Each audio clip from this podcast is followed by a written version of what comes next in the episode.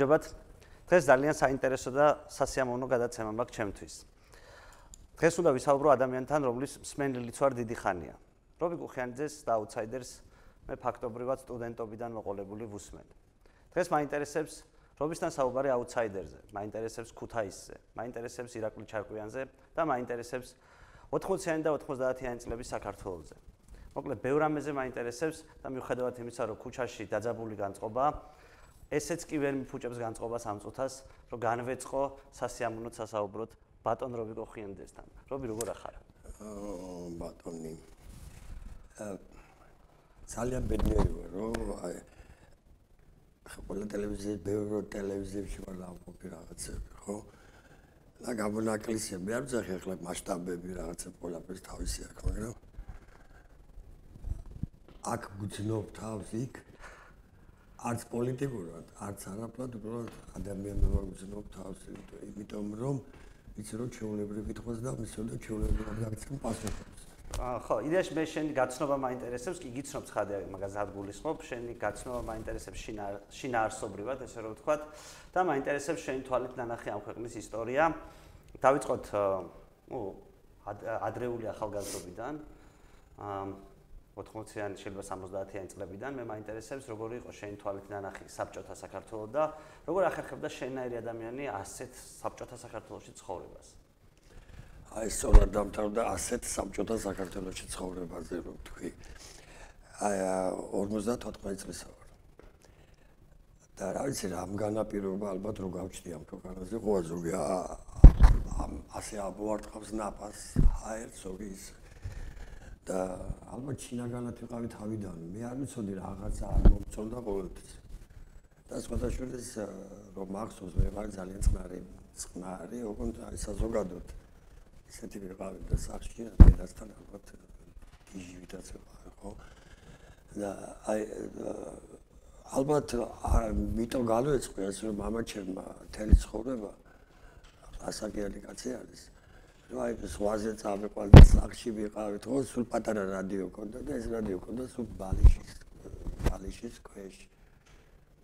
დაფარული ხმით უსმენ და გოლოს ამერიკები და რაღაცები. ანუ მამის გაფუჭებული გამომდივარ ახლა პოლიტიკურ თვალსაზრისით და მე ვარ ვიცი მაგრამ უსმენ და კიდე მონტე კარლოს სადაც ბიტლზები და რაღაცები ჩითავდნენ ისე თუ გახსოვს მონტე კარლოს გადაცემა იყო რადიო გადაცემა და ამ ისეთი შეზღუდული იყო. შეზღუდული არ იყო ინფორმაცია, просто არ არსებობდა.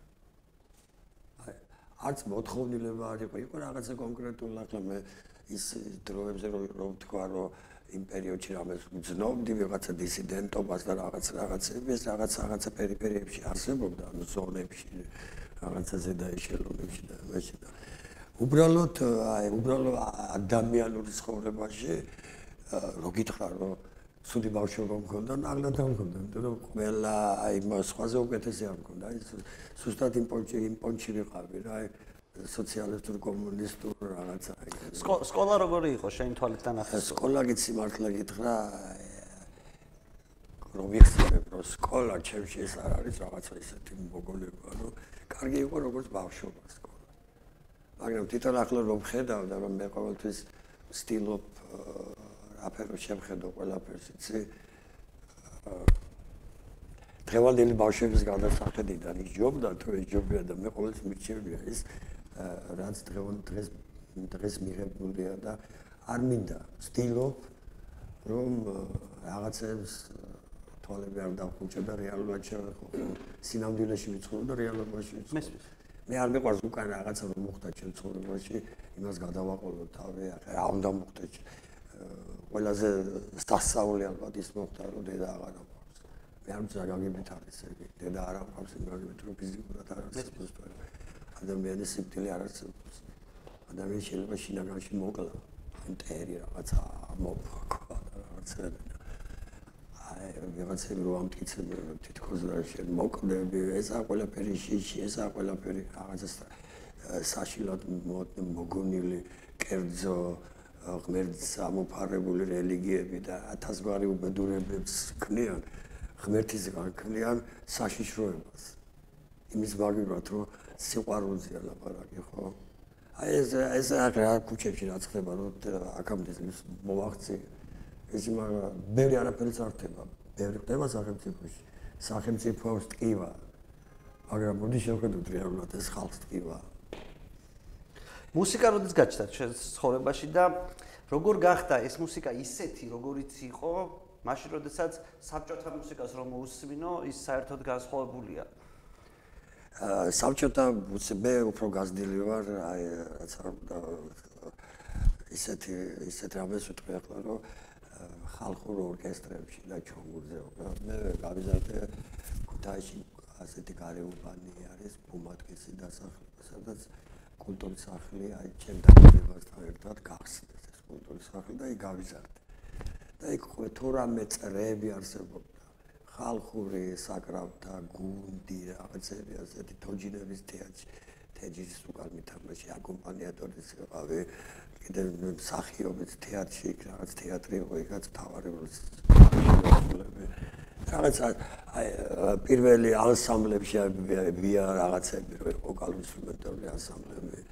იქ სულ იყვნენ ასეთი ანსამბლები და მე სულ ბიჭი პატარა ბავშვი და მოცეკვაში 8 წლიანი სამონდო ტიმპი დაურე დაურე დაურე ანუ მუსიკალური ადამიანი ბავშვები აი სხვა კონკრეტულად რო ვითარ რომ მუსიკოსი ვარ ამას მე ცხოვრებაში არ მithქვა იმიტომ რომ ამ პარტავლებაზე რამზე არ ვლაპარაკობ უბრალოდ აი დროში რო შევხედე ამას ყველაფერს მე რასაც ტელევიზორში რასაც მომღერებელი ყველა მიცით ხო რაც მე მაგის მე ვაღიარებ რომ ჩემი სერვერების აი პირადად ჩემი სერვერების 99% ასე სატელევიზიო ნამდვილად არ არის.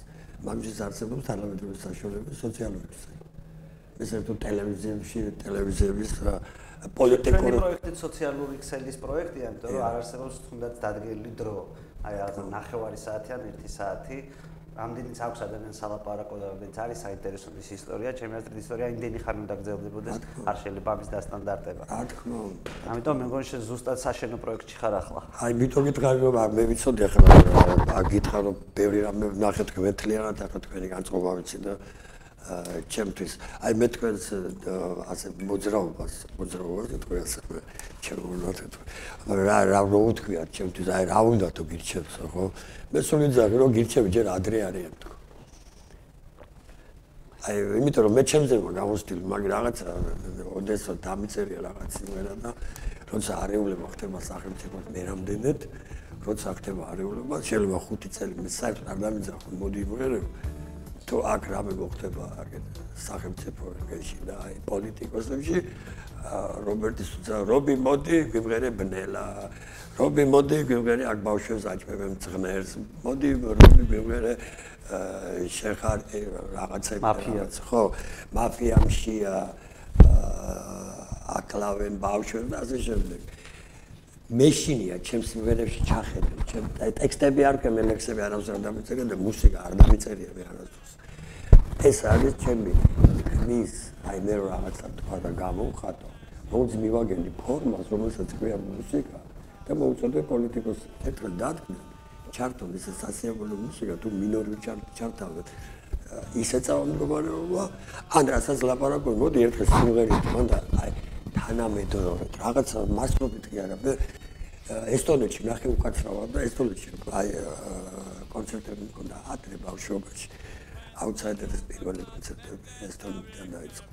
მოსკოვიდან აღმოსო ნუ ამიდან და დაგვათვალიერებს პატარა ქალაქი ძალიან პატარა ქალაქია და იქ ლუდის ბარები თბილი ეგ და ერთ ადგილზე ცენტრალურ მოედან და აი მაგარი აპარატურა 91 წელიწადში და მაგარი ასე მეტალისტები ხალხი. ასე და მიდის კონცერტია ჩვეულებრივი ძალიან სერიოზული კონცერტი. ფინელებიც იყვნენ აი ეს მეუნება წამოდიო რა ეს დამწეს დაფალა არა მეთქი მაგობეთრე კონცერტი რაღაც ერთი ნახევარზე გამოჩერდა. და მე ეგ რაღაცა მომენტი კლუბში და იყვება რაღაცა მოყვა და ათა სიცილი. და მე რა მოხდა რა იცი ეს ყოფილა მიტინგი. ნახევარ საათი ვიდექი მე ეს თოლებში მიტინგზე დალენში ვიდექი და არ ვიცოდი. აკა ის ვარჯოდ რა იცი რა მაგრამ ასლავარული ვერ მეპლოდო აი მეტალისტური აი მეტალისტების კონცერტი რო იყო. ჩვენთა. ხო რა როგორ უნდა იმღერო როდესაც პროპორციულ არჩევნებზე გადაგაგდებენ და საკონცერტო განწყობა ამ დროს როგორ უნდა შეინარჩუნო? აი არსებობს ამ შანსი ნებისმიერ კონცერტზე მოვიდნენ და იმ განწყობას მე დავახერხე ეს ამას მე პროტესტი მეტი არაფერი არ მე ახლა რო აგვი რასაც ვერ ვარ და უსინგრენო და უმელოდიო ქუჩაში მივხვდი რაღაცა და ეს უთხრა. მომისმენე ძმაო ცირას გეტყვი აგერ ბავშვებს მოხედა ამგე ჯვარზე აკრავენ ამგე ძღნერს აჭმევენ და ასე შემდეგ. ხო მეტყვი დავა ეგე და დააკვე შენ დედას და ადამიანო შეიძლება ხო? გამომიოთ მე დააწილათ რატომღაც ატო ხდება ასეთები აზზე არა მე თვითონაც რადგან მიცეთ სანდრა ადგილებში ხო საზოგადოებრივი შექმნა ადგილებში დაკრო სადაც არ შეიძლება. რაღაცა პირადი ეთიკა უნდა გააშენოს ადამიანს მე მივახცე მაგრამ რომ ჩემ შეიძლება ხელოვნებაში ვძნობ სად არ უნდა თქვა სად უნდა თქვა სად შეიძლება სად არ შეიძლება მაგრამ ეს არ არის ლაპარაკი პროტესტს მე ძალიან მომხრე ვარ კანონის წესიერების მორალური შინაგანი ეს ყველაფერი, მაგრამ ისეთ არა რა გეხოცები რა ვიღაცა რომ მეუბნება რომ ღმერთმა შეგითხრა და ღმერთამდე მისვლა აუცილებელი არის. აი შენშია და მე ჩახედე რა საკუთარ თავს ხო ბოლოს და ბოლოს. თუ საკუთარ თავს არენდობ თუ შენ თავს არენდობ შენ თავი არ გიყვარდი, იგი არ გიყვარდი, იგი არ გიყვარდი, იგი არ გიყვარდი. სულ პროტესტი როგორ უნდა იყოს ადამიანი უნდა იყოს ვაზრო. რომ ვიცი რა მაინტერესებს? მაინტერესებს აუთსაიდერის დასაწყისი. აი კონტექსტი რო ამიხსნა, როგორი იყო იმ პერიოდის საბჭოთა ესტრადა, საბჭოთა მუსიკა და როგორ იბადებოდა აი ამ პროცესში აუთსაიდერი, ზოგადად თქვენი მუსიკა როგორ იბადებოდა, იმიტომ რომ მე ვფიქრობ, რომ ისტორია მხოლოდ პოლიტიკოსების ისტორია არ არის, ხელოვნების ხელოვნების ისტორიაც არის და ამიტომ ჩემთვის პირადად აუთსაიდერი ძალიან ისეთი მნიშვნელოვანი წერტილია იმ პერიოდის საქართველოში, ამიტომ მე მაინტერესებს კონტექსტი, როდესაც აუთსაიდერი იქმნებოდა, რატო იქმნებოდა და რითი განსხვავდებოდა ის იმ პერიოდის იმ პერიოდში არსებული საბჭოთა მუსიკის საბჭოთა გაგებისგან, ესე რომ ვთქვა. აუთსაიდერი არის ჩემთვის სიცარიელი შევსება, მეტი არაფერი. და რა მიყვარს? ნუ არაფერი არ მიყვარს რა პრინციპში. აუთსაიდერი? ნუ აუთსაიდერი ჩემთვის ჩემი ცხოვრების ერთი მესამედია და რაც შეიძლება თქვა ჩემს საკუთარ თავზე. მე მგონი ამ გრუპაში ყველაზე ნორმალური მე ვარ. აი, საბუთი. დავიწყოთ? აუთსაიდერი ჩემთვის არის ეს ჰა? რა შეიძლება რა მიყვარს მე? მე მიყვარს აჭრა, სუპერი და 21. всё. აა თეთრი დრო, მე რა. აში. Paliklarion! Paliklarion, paliklarion,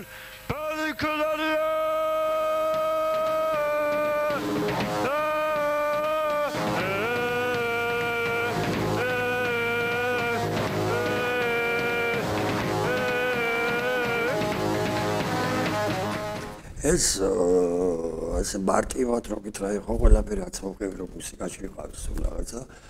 და მე და როდიდან იწყება ეს ისტორია? ხო ეს ყველაფერი წოდაშორის ჯგუფი გააკეთა 91 წელს რაღაცაში. ხო უბრალოდ 99 წელს მაგრამ ამ ჯგუფის გაკეთებას საფუძველი ჩაედო რაღაცა 93 94 წელს თორე კუთაისში გააკეთა ასეთი ის იყო კოოპერატივი მელომანი რომელიც აი ეს თლიანი ეს ორიენტაცია ქონდა აღებული შეიძლება აი როკ მუსიკა და რაღაცა და რაღაცა არ დაძდებდნენ მაშინ უკვე აღარ იყო ეს მე ქუთაისში კიდევ რამდენჯერ უნდა თქვა ეს რაღაცა ფირფიტებიც ჰქონდა, მაგარი პრაიგრი მოდელიც ჰქონდა, მაგარი დინამიკების მქონია თავის მაგარი ნემსით და ქუჩაში ასე მიული აკუთაიში. არა მაგარი მასაკს პისტოლზე მაჩუქე. აუცილებლად ქუთაისში ინგლისური არ ვწოდეთ თუ აზრი არ ვიყავთ არც ერთი ქუთაისში მუსიკის გამო არემლარ დამზედა და ზდევნა და უბედურება რაც დაიწყო ალბათ ეგ რას ნიშნავს არ ვიცი ან მოშებული კომუნისტების დროს მომიწია მე ამის გაკეთება ყველა მოპამფალებული მაგრამ წინააღმდეგ ყველაზე დიდი წინააღმდეგ რაც არ უნდა სასწაულებით რა თქმა მოხდა ეს ვარდების რევოლუციის მერე და გრძელდება დღემდე ჩემს მაგ ჩემ დაკვირვებულ მუსიკაზე კი არა მთლიანად. აი არ გამოყო სახელმწიფო პირველ თაობაში ახლა მე იმაზე ვძახი მიშები და რაღაცებს საერთოდ მდგომარეობაზე ვიცი ვიც უკრავდა იქ რა ქვია იმას მზიურის ფესტივალები ასეთ რაღაცები. წინა მდგომარეობები სანამ აი მოკალაკე და კავშირები რა ხდებოდა რაღაცა პროცესები იყო ძალიან დიდი ბუმი როკ მუსიკის სოციალური მოვლენა ეს მუსიკა. რამგან მოიწვია ამ დროს ამის ბუმი როგორ ფიქრობ აი გამოჭამა წინაპირობები ქონდა თბილისში იყო ქუთაისი ხო თბილისი და ქუთაისი ერთადად მაინც ამას ეყნობა ქუთაისი საერთოდ არ ჩანდა უფრო. ანდეგრაუნდი ანდეგრაუნდში იყო წასული. იმიტომ რომ ასეთი აზრი იყო საერთოდ აი ქუთაისელი და თბილისელი და ის სული იყო რა. და ჩვენთვის ყველაზე დიდი მაგარი რამე იქნებოდა იმას კი ამფიქრობდით რომ რაღაცა საქართველოს გარეთ დაგვეკრა თბილისში თუ დაუკრავდით იმ ხელაზე შეზღუდული იყო რაღაც სხვა რეგიონი, სხვა რაიონი, მიუხედავად იმისა, იმ მხარეზეა და იმ კუთხეზეა ლაპარაკი, აი ქუთაისურად რო თქვა კულტურა შემოქმედებით არ დაეწუნებ. ქუთაისშიც იყო აფეთქება რაღაც როკის, ეგრე რომ თქვა, ან ამ ანდერგრაუნდ კულტურის 80-იან 90-იან წლებში. აი ამას რა იწევდა? ეს მოხდა ორი მხარის აი ურთიერთ გაგება. ეს იყო თბილისი და ქუთაისი, ჩვენ მეგობრობდით აი სერგი ბარჯალაძე მეორე არხი დადადადიანი, უდიდესი ადამიანი. მე ძალიან მიკვირს. აღარ რომ თავრობას როგორ უნდა მოთხოვო, რომ იმ ხელა გადატრიალება მოხდა საბჭოთა კავშირმა იგრძნო საქართველოს ანდეგრაუნდი ალტერნატიულ როკს ალტერნატიულ რაზგულის ხომ გზნობაში აი მე სად მე მომიწია ალბომის ჩაწერა პეტრე მამულოვის სტუდიაში მოსკოვში. ეს არის ესეთი ესეთი პოლიტა ორიენტირებული არა აქ მუსიკოსები დიდი ალტერნატივის მამა არის ფაქტიურად და რა ხდებოდა ახლა? თბილისში იყო დადა დადიანი ტაქსი.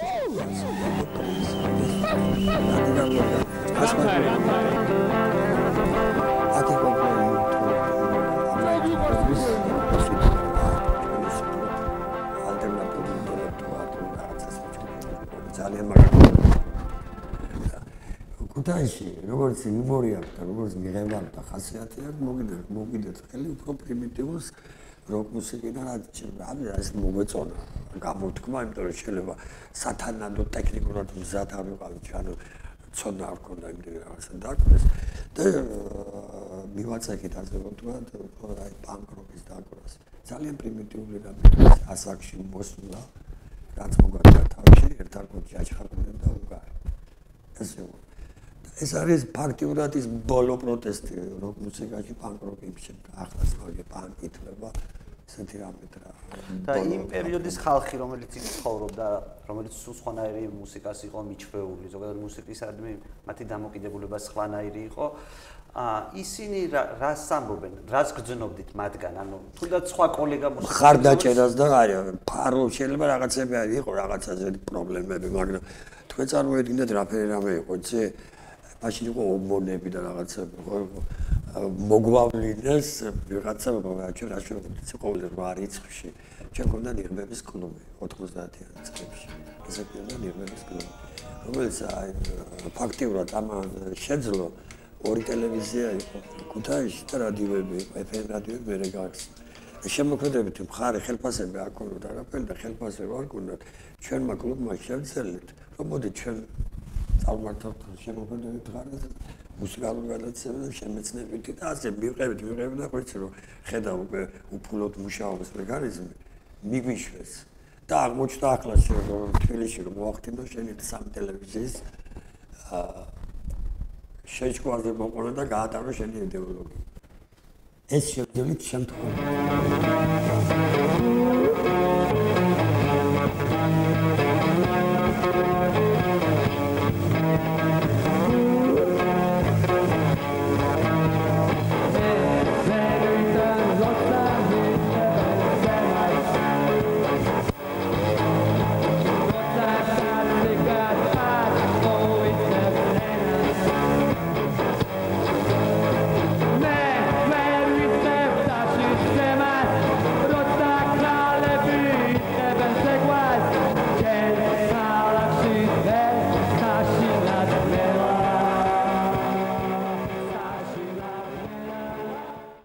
რაგან სხვა იყო საქართველოს კონცერტს და მოსკოვში კონცერტ შორის პერიოდი. ე ჩემთვის დიდი არა არაფერი.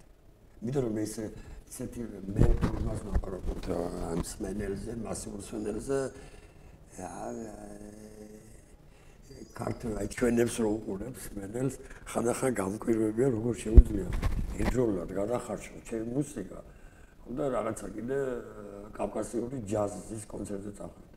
კავკასიური ჯაზი ალბათ იწერას. კავკასიური ჯაზი არ ვიცი. არის ასეთი რა. იცით რა მაინტერესებს? აი, რო აღმიწერო და მე არ ვიცი, ანუ მე არ ვიცი, მაშინ პატარა ვიყავი, შესაბამისად ჩემი მასეთი ტიპის მეხსიერება ცოტა გვიანი წება. კონტექსტი რო აგვიხსნათ, აი, როგორი ტიპის ურთიერთობები არსებობდა იმ პერიოდის ალტერნატიულ ჯგუფებს შორის. თქვენ შორის, ირაკლი ჩარკვიან შორის, ტაქსი შორის, დუდუ დადიან შორის. იდეალური ურთიერთობა. და როგორ ყალიბდებოდა ეს ურთიერთობები? აი რა რა უწყობდა და რა უშ ხაზის ტელეფონით. მეტი არა, ჩვენ გაი მე გავიცანე. რა მოხდა იცი, ჩემი ჯგუფი ფაქტიურად გაკეთდა ქუთაისში ოპერის თეატრში. რომელი ოპერის თეატრში. და ორი წელი თითქმის აი არა ჯგუფი მზად იყო ორი წელი და კონცერტი არ მქონდა. და მე რა იქ ჩვენ პროდიუსერი ყავდა მაშინ მენეჯერი დაგცინო რა პროდიუსერის მენეჯერი ხო? რაღაცა ჩვენ ყავდა იქ ყველაფერი და და ჯგუფიც აუთსაიდერი არის მაგრამ დაფინანსება როგორ არის ფიქრობს მე რაღაც სახელმწიფო. მაგრამ დაფინანსებული ჯგუფი მე ამგონია საქართველოსში ახლა თავრობის ვინ აფინანსებდა აა მე სპენდელები აი სიმართლე გითხრა მთხოვა და მე რო სახელი არ ეთქვა არასდროს მაგრამ მე გეუბნები ახლა აი როგორი გული მწყდება იცი ახლა მე რო არისო მონსტრება ჩემთვის არ არ კონდეს ას მოცემული ფული სისულელეში. არ არსებობს შეგი როგორ უნდა მე არ ახლა რამოდენიმე 1000 დოლარზე ალაპარაკ. რამოდენიმე ძალიან. Ну ის საქმე დააფინანსა რასაც თქვენ აკეთებდით გასაგებია რაღაც თვალსაზრისით აი არაფერი ინტერესი ყველა ინტერესის გარეშე წარმოვიდგენდი რა და 22 წლის მე რაღაცა ხუნდა მუსიკის მოსმენა უნდა და ეგ არის ინტერესი არც არც საინტერესებდა საერთოდ არ აინტერესებდა. და მო რა მნიშვნელობა აქვს მაგრამ უდიდესი და მე არც ეს მეტყვი ისე დავარწავალ ამ ქვეყნიდან რომ მაგადამეlis სიყვარული დავატარე და არც მაგნაირ ადამიანი მე აი რაღაცა სასაუბრო მესმის. აა იცი დრობი რა მაინტერესებს საბჭოთა კავშირის დაანგრევა აუთსაიდერმა და ქუთაისმა როგორი იგრძენით? ანუ რა განსხვა რა შეიცვალა იმითი რომ საბჭოთა კავშირი იყო რაღაცა ეგ ლენინი პიონერები კონკავშირი და უცბად აღარ არის ეს ყველაფერი დაგმეს. ჯგუფი აუთსაიდერელები ყველა ბენდერები ვართ რომ ამ გრევის და საერთოდ ამ არსებობის და აი ეს პროცესის მონაწილეები გავხდით. აი ესეთი კი რაღაცა პოლიტიკური თვალსაზრისით შინაგანი შინაგანი პროტესტის ხარჯზე. 90 80 80-იან წლებში თბილისში წამოიწე ალტერნატიული მუსიკა, მარტო ალტერნატიული მუსიკაზე არა. აა თბილისის დიდი აქვს. აქ იკრიბება ყველა კუთხიდან ჩამოსული ადამიანები. თავის დროზე ცისფერხანწელების დროს ეს ქონდა ქუთაის. არაფერი ნაირი ყველა ქუთაისელი ყარი იქნება და იგი აი გიმნაზიაზე ეძახი ხო დიდი საუბარი დაფარომარეს. ის იყო კონკრეტული გარემოების დროის აი მოხდა შეკრება აქეთ გამოცარიელება ქალაქის. იქონია რამე გავლენა თქვენზე, რომელიმე ეგეთმა ეგეთმა ბოჰემურმა მე ამ მოიამბოხემ აი კონკრეტულად რა აი ჩემ მეგობრებში მაგას მქონია ჩვენ რომელი პროგრესია და აი როგორ შეიძლება გამოვარჩიო თქვა ერთი მეორეს. ერთხლიან მიტოა ეს ეპოქაზია ლაპარაკი ცისფერყანწელები დები იჩნელები სასწაული ხდებოდა მე ახლა რო ჩამხედო იქ ხო რაღაც რაღაცები შეიძლება ჩემთვის მიუღებელი იყოს. აი დამოკიდებულებები ურთიერთობები ხელოვნებასთან რა შედეგი გამოვიტანა მე როგორ მიხედენ როგორ მოიყვანეს დღემდე რა დაიმართა კულტურულ ქართულ კულტურას. რას გულისხმობდით თავისუფლებაში მაშინ? თავისუფლებაზე ზუსტად იმას აი როგორ მითხრა ალბათ აი გიტარები გეკავა ხელში ხო თქვა თუმცა შეიძლება ყავი და სხვა რამეები ხელში ნებისმიერ ჩვენ ვიღავით მუსიკასთან ახლოს ჩვენ გულისხმას გამოთქვამთ იქ და ჩვენ გვამჩნევდით ჩვენ რომ ვამბობდით ჩვენ რეაქცია გქონდათ ამას მე აი რა ვიცი მე იმ პერიოდში მომიცი ხო რაღაცები ხდებოდა. ხო მე მომიცია პირველი ქართული გვარდიის ოფიცერიც ოფიცრობად მოხდა აწილა თავის დროს. და მიწევდა სულ ამ უბიდან ჩამოსულ ხალხში და იცი რა მიდიერი ვარ როცა იქ რომ მოდიდა დაღლილი ჩვენაც შეულებოდ გემულობდა იმიტომ რომ მეორე ჩამოსულაზე იმის გულის ტკივილი მეწერინებოდა. ზუსტად იმის სახელზე ვარ მიგერებდი, მაგრამ განწყობები ხო იყო. მე ხო იმას კავშირი გაგულობაში ვიყავდი, რომ უსმენდი მერსის სულელებს უსმენდი. აი მე არ ვიცი რას უსმენდი აი აბსურდს. ეს განწყობა მე იმას კი არ მიგონებ, მე მაგ ლექსიც არ დამიწერებ, მე ყვები რაღაცას ხო. მე ვამბობ ჩემში ეს არ მომწონს, მეში ეს არ მომწონს.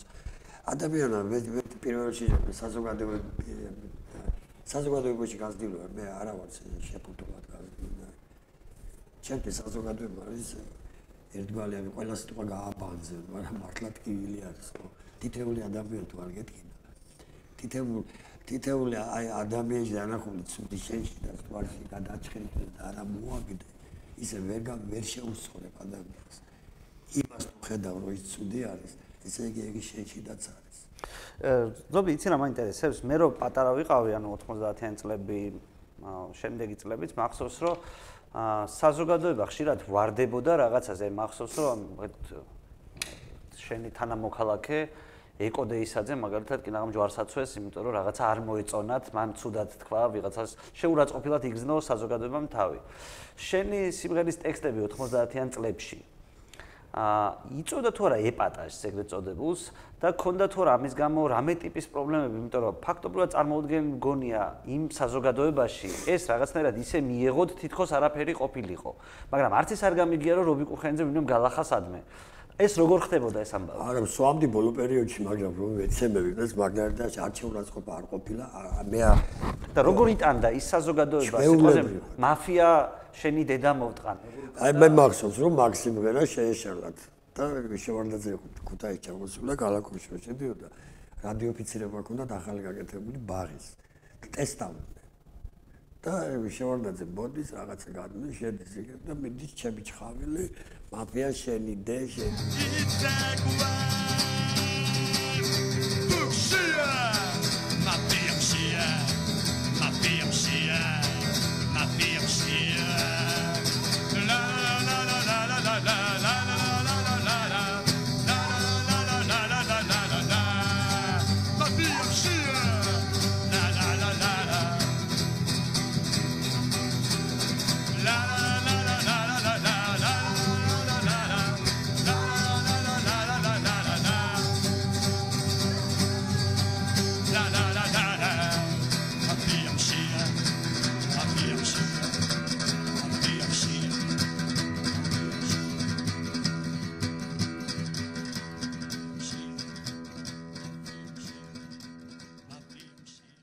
არაფერი რეაქცია მას არ მოყოლია.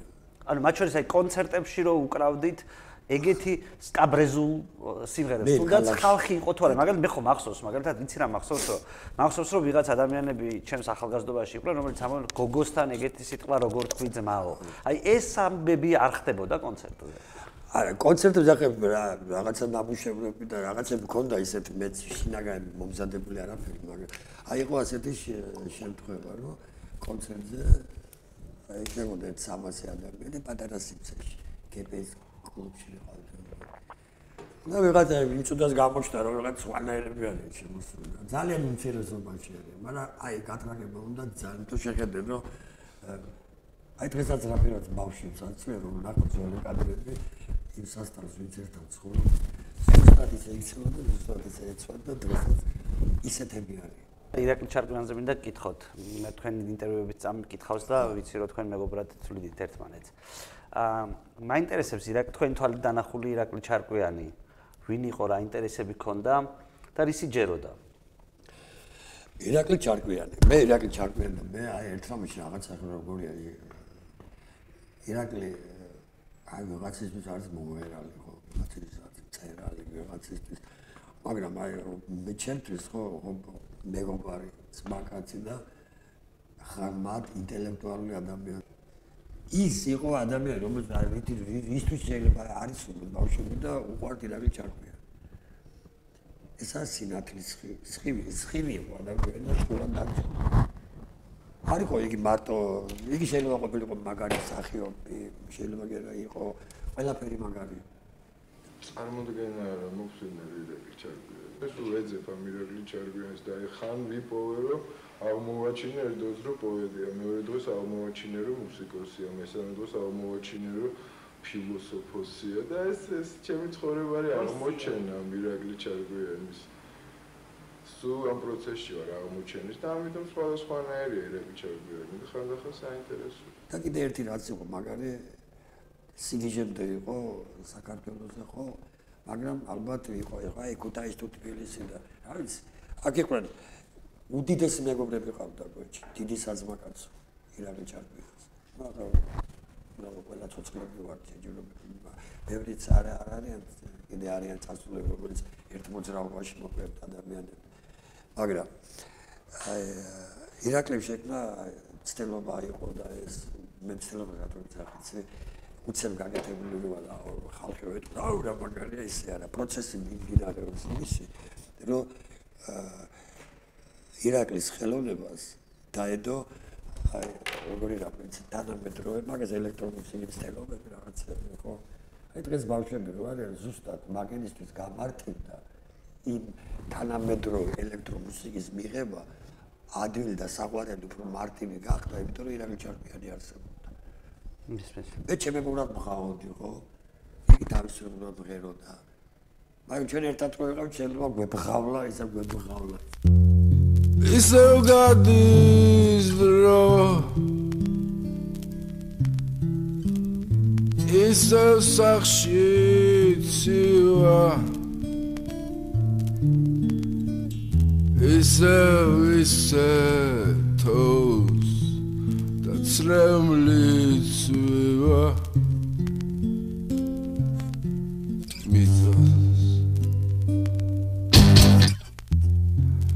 ნუ დავიკარგავ შუქს.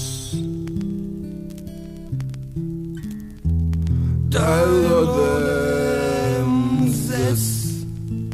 შემოგიღე შემოგიღე წყარს და გეტყვი მომეცი თუ გაქვს თბილი ხელი? მომეცი თუ გაქვს? მომეცი თბილი თბილი. ნაზი ხვა მომეცი ხარ სოხუმალი. მომეცი შავი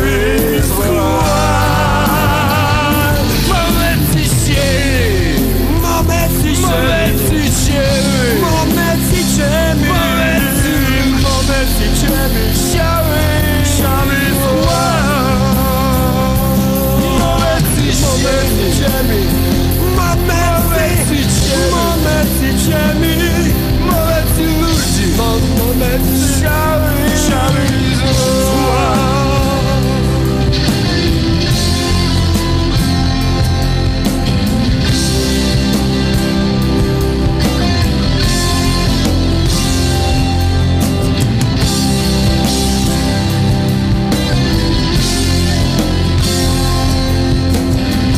Shabby, shabby, shabby, shabby sweat.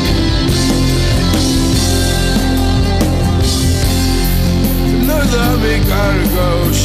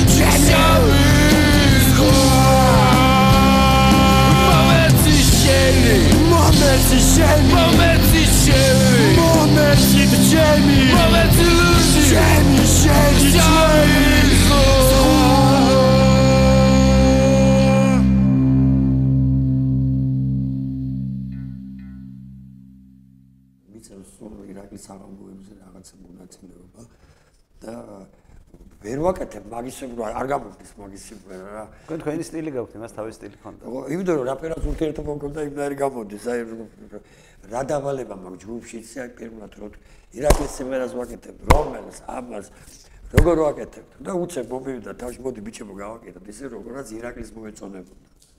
და გამოდის. ნუ მე ვიცი როგორ მოეწონებოდა ირაკლის. და ჩემთან ურთიერთობაში რაღაცა ხანდახა ხო ეს პოპულარული მეში რომ გახდებოდა მაგისი და აი არასწორად ვღერებდი აი სიტყვას გადაუტრიალებდი რამე სხვა მიმართულებას ვიცებდი და ზუსტად იქ დამონდა რომ მithom თავში მithom ნახე მაჩნო სიკტილი მაგნერი ადამიანებს განსაკუთრებით კაი აბსურდი არის. ვის რა ეკითხება? ახლა განიკითხოს ირაკლი. აი ასეთი ადამიანები არ განიკითხებია ირაკლის გარდა იმ პერიოდში მართლა ხარ ჩვენთვის ბევრი ადამიანისთვის გასაგებია რომ მარტ ირაკლი იყო რა მთავარი ტიპი და აუთსაიდერი იყო ქუთაისში. ირაკლის გარდა ვინ იყო ისეთი რომელიც ვინც წერდა იმ პერიოდის მუსიკის ისტორიას თქვენი აზრით? არ იყო ასე არ უნდა ვთქვათ. იმიტომ რომ ჩვენი საძმოსე ურთიერთობაში ასე გამონაკლისები რაღაც შეიძლება ჩონები რომ ეს ხდებოდა, მაგრამ ჩვენ ვიყავით ამას მართლა გეუბნები. სხვანაირად არ შეიძლება ჩვენ რომ ერთმანეთისთვის ხელი არ მოგვეკიდებია და ამ ხელა კალაში მეორე არხი არ მქონოდა, იცი რა ხელა სამუშაოები გაკეთდა. იგი რომ მოიგრევა რაღაცები მაგ ნანგრევებში რომ შეძლები და რომ დადგები და არ გეშინია რომ დაგექცევა თავზე და რომ დაიწყებ შინა რემონტს, ეს გააკეთა ქართული აა რა ალტერნატიული როკ მუსიკა რაღაცა რაც კიდე და მომავალმა მუსიკოსებმა ძველი ქართული მუსიკიდან ან თქვენი მუსიკიდან რა უნდა აიღონ? როგორ ფიქრობ? არაფერი. რაც ლაპარაკო მაგისთვის ვიცხოვრო, მე როდი შემოშევამჩნიო ვინმეს რომ აშკარად გამოხატავს ჩემებურ რაღაცებს, მე იმას მაგარ პასუხს ავტორო ფლერებზე არ აღაბალაკ. ძალიან კაცრად ურჩევ, რომ საკუთარ თავს დაუბრუნდეს. ყველა არის ინდივიდი. ინდივიდუალ ადამიანს შენ შენ ის სიმღერაც მე რომ დამწერე ის ხო არაა ჩემი. მე არ დამწერე, მე კომპოზიტორი არა არა კომპოზიტორზე გამახსენდა. აი ახლა რომ უდიდესი ადამიანი ცისმერ ყანწელებზე ლაპარაკი დენიშნული ზელაპარაკი. და აი არ ჩემშვილი შეძლებიცა. გული მეტკინა. აი ყანჩელის ამბავს. იმიტომ კი არა, მე აფელი არ დაგაგია ჩემში. გაეფრთხილებიან მაინც ვინმეს ამ უვიცებს ამას თავში ყარჩელი მიუყოფილა მართლა შეშინებიან არ და საშიში ვამში არის ამერიკაცი გავი შალახი და კინტაურის ფონზე. ერთი წამიერი დუმილე ვარ ის ის დუმილები მაინც მოხდა. მოხდა იქ. ჩვენში მოხდა შენში მოხდა ჩვენში მოხდა იმაში. და იქ მე რატომ ამოგიცე აი ვიც ამას ხელოვნებაში აპირებს რაღაცა მეფობებს იცებს ხო ეს ყველაფერი არ არის ასე შემოქმედება შემოქმედებაში არაფერი არ გიბრუნდება შემოქმედი თუ ხარ შემოქმედება თუ ემსახურები შენ რასაც გამიცემ შენ თავს იგი დარჩება მეტი არაფერი. როგორ არ მინდა მეც ისე ვიყო ხო? მაგრამ რა ვიცი ასედაც ასედაც კარგად კარგად რა ღვთისყალობით ხო გნახე გამარჯვებულობით ხარ ხო ჩაგერ აგერ ჩემი შვილები ნახე აგერ თქვენ გნახეთ ამით თქობაც თქობა ამით შეიძლება დაანჩენ მოთხოვნება რომ მოხსნილი და რაღაცა რაღაცები და კიდე ახლა ავტობუსში უნდა ჩარჯდებოდა ბარეკა მოგსალმო და რაღაცები აი ცხოვრება კიდე უფრო მშვენიერია იგი მშვენიერია რაც ახლა როცა მოთხოვნებას უნდა იქ მოყოფილებ მაგრამ რაღაცა მე ვიტყვი 50 წელი რა 50 წელი იმ შემთხვევაში თუ ერთი სახელმწიფო აღარ იარსებებს როგორც სახელმწიფო მე ადამიანებს საერთოდ არ ამართლა მე არა მე ამიცი ახლა მე ამაში ვარ რა და მიწერეს კარგი რაღაცები, კარგი ლიტერატურა რო ჩვენ ცოტა ისე სხვანაირად მასწავლებს ყველა თორე მიტევებაში ცუდი არ ვაფშე არაფერია მიტევები შეიძლება ადამიანს ხელა პასუხი მოთხოვო. აი პასუხის მოთხოვო როცა მიუტევე ისე თუმურულად მიუტევე მიუტევე იმაში იწვევ იწვევს აზროვნებას. მიტევე იგი კმაყოფილია მის მისატევებელი რამჭის და კიდე მიუტევე კიდე მიუტევე თავის ქალას ახტი მიტევები მაგრამ ეს რთულია. და შენ კიდე აუხვალ მოკვდებით გეუნებიან. შენ თუ ამას გააკეთებ დაგწყევლის ღერთი მე გამოვარდები იწევლებიან იკრულებიან რა ვიცი გაკინებენ ყველას რაფერი საშუალება აქვს ისე იცახის თქვენ დედაში თუ რაღაცა ხო? ასეთი ქაოსი ანუ რა არის? ნორმალურ ქვეყანაში დღევანდელი პერიოდი რა რაც ხდება ახლა ხო? ეს იქნებოდა ალტერნატიული ხელოვნებისთვის ყველაზე მაგარი ჟამი 90-იან წლები არ იყო? როგორ არ იყო მოხდა მაგ დროს. მაგრამ თქვენ წარმოაჩენ მაგირა იყო იმაში პირველი გრევა იყო საბჭოთა კავშირის. ის მერე ორჯერ დაიგრა კიდე საბჭოთა კავშირი. არა მეგი ასე ადულად არ დაიგრევა. აი დიდი შენობა რო იგრევა, ხო, ეგ ჩამოანგრიე, ხო? აი ის რო ამერიკაში რო აფეთქე, ტუპერ. იმისი გეშინოდეს მე რო დაიგრევა. რა ქვია ასე რო იყრებია ასკოლკებია რუსულად? ნამსხვრევები. ნამსხვრევები.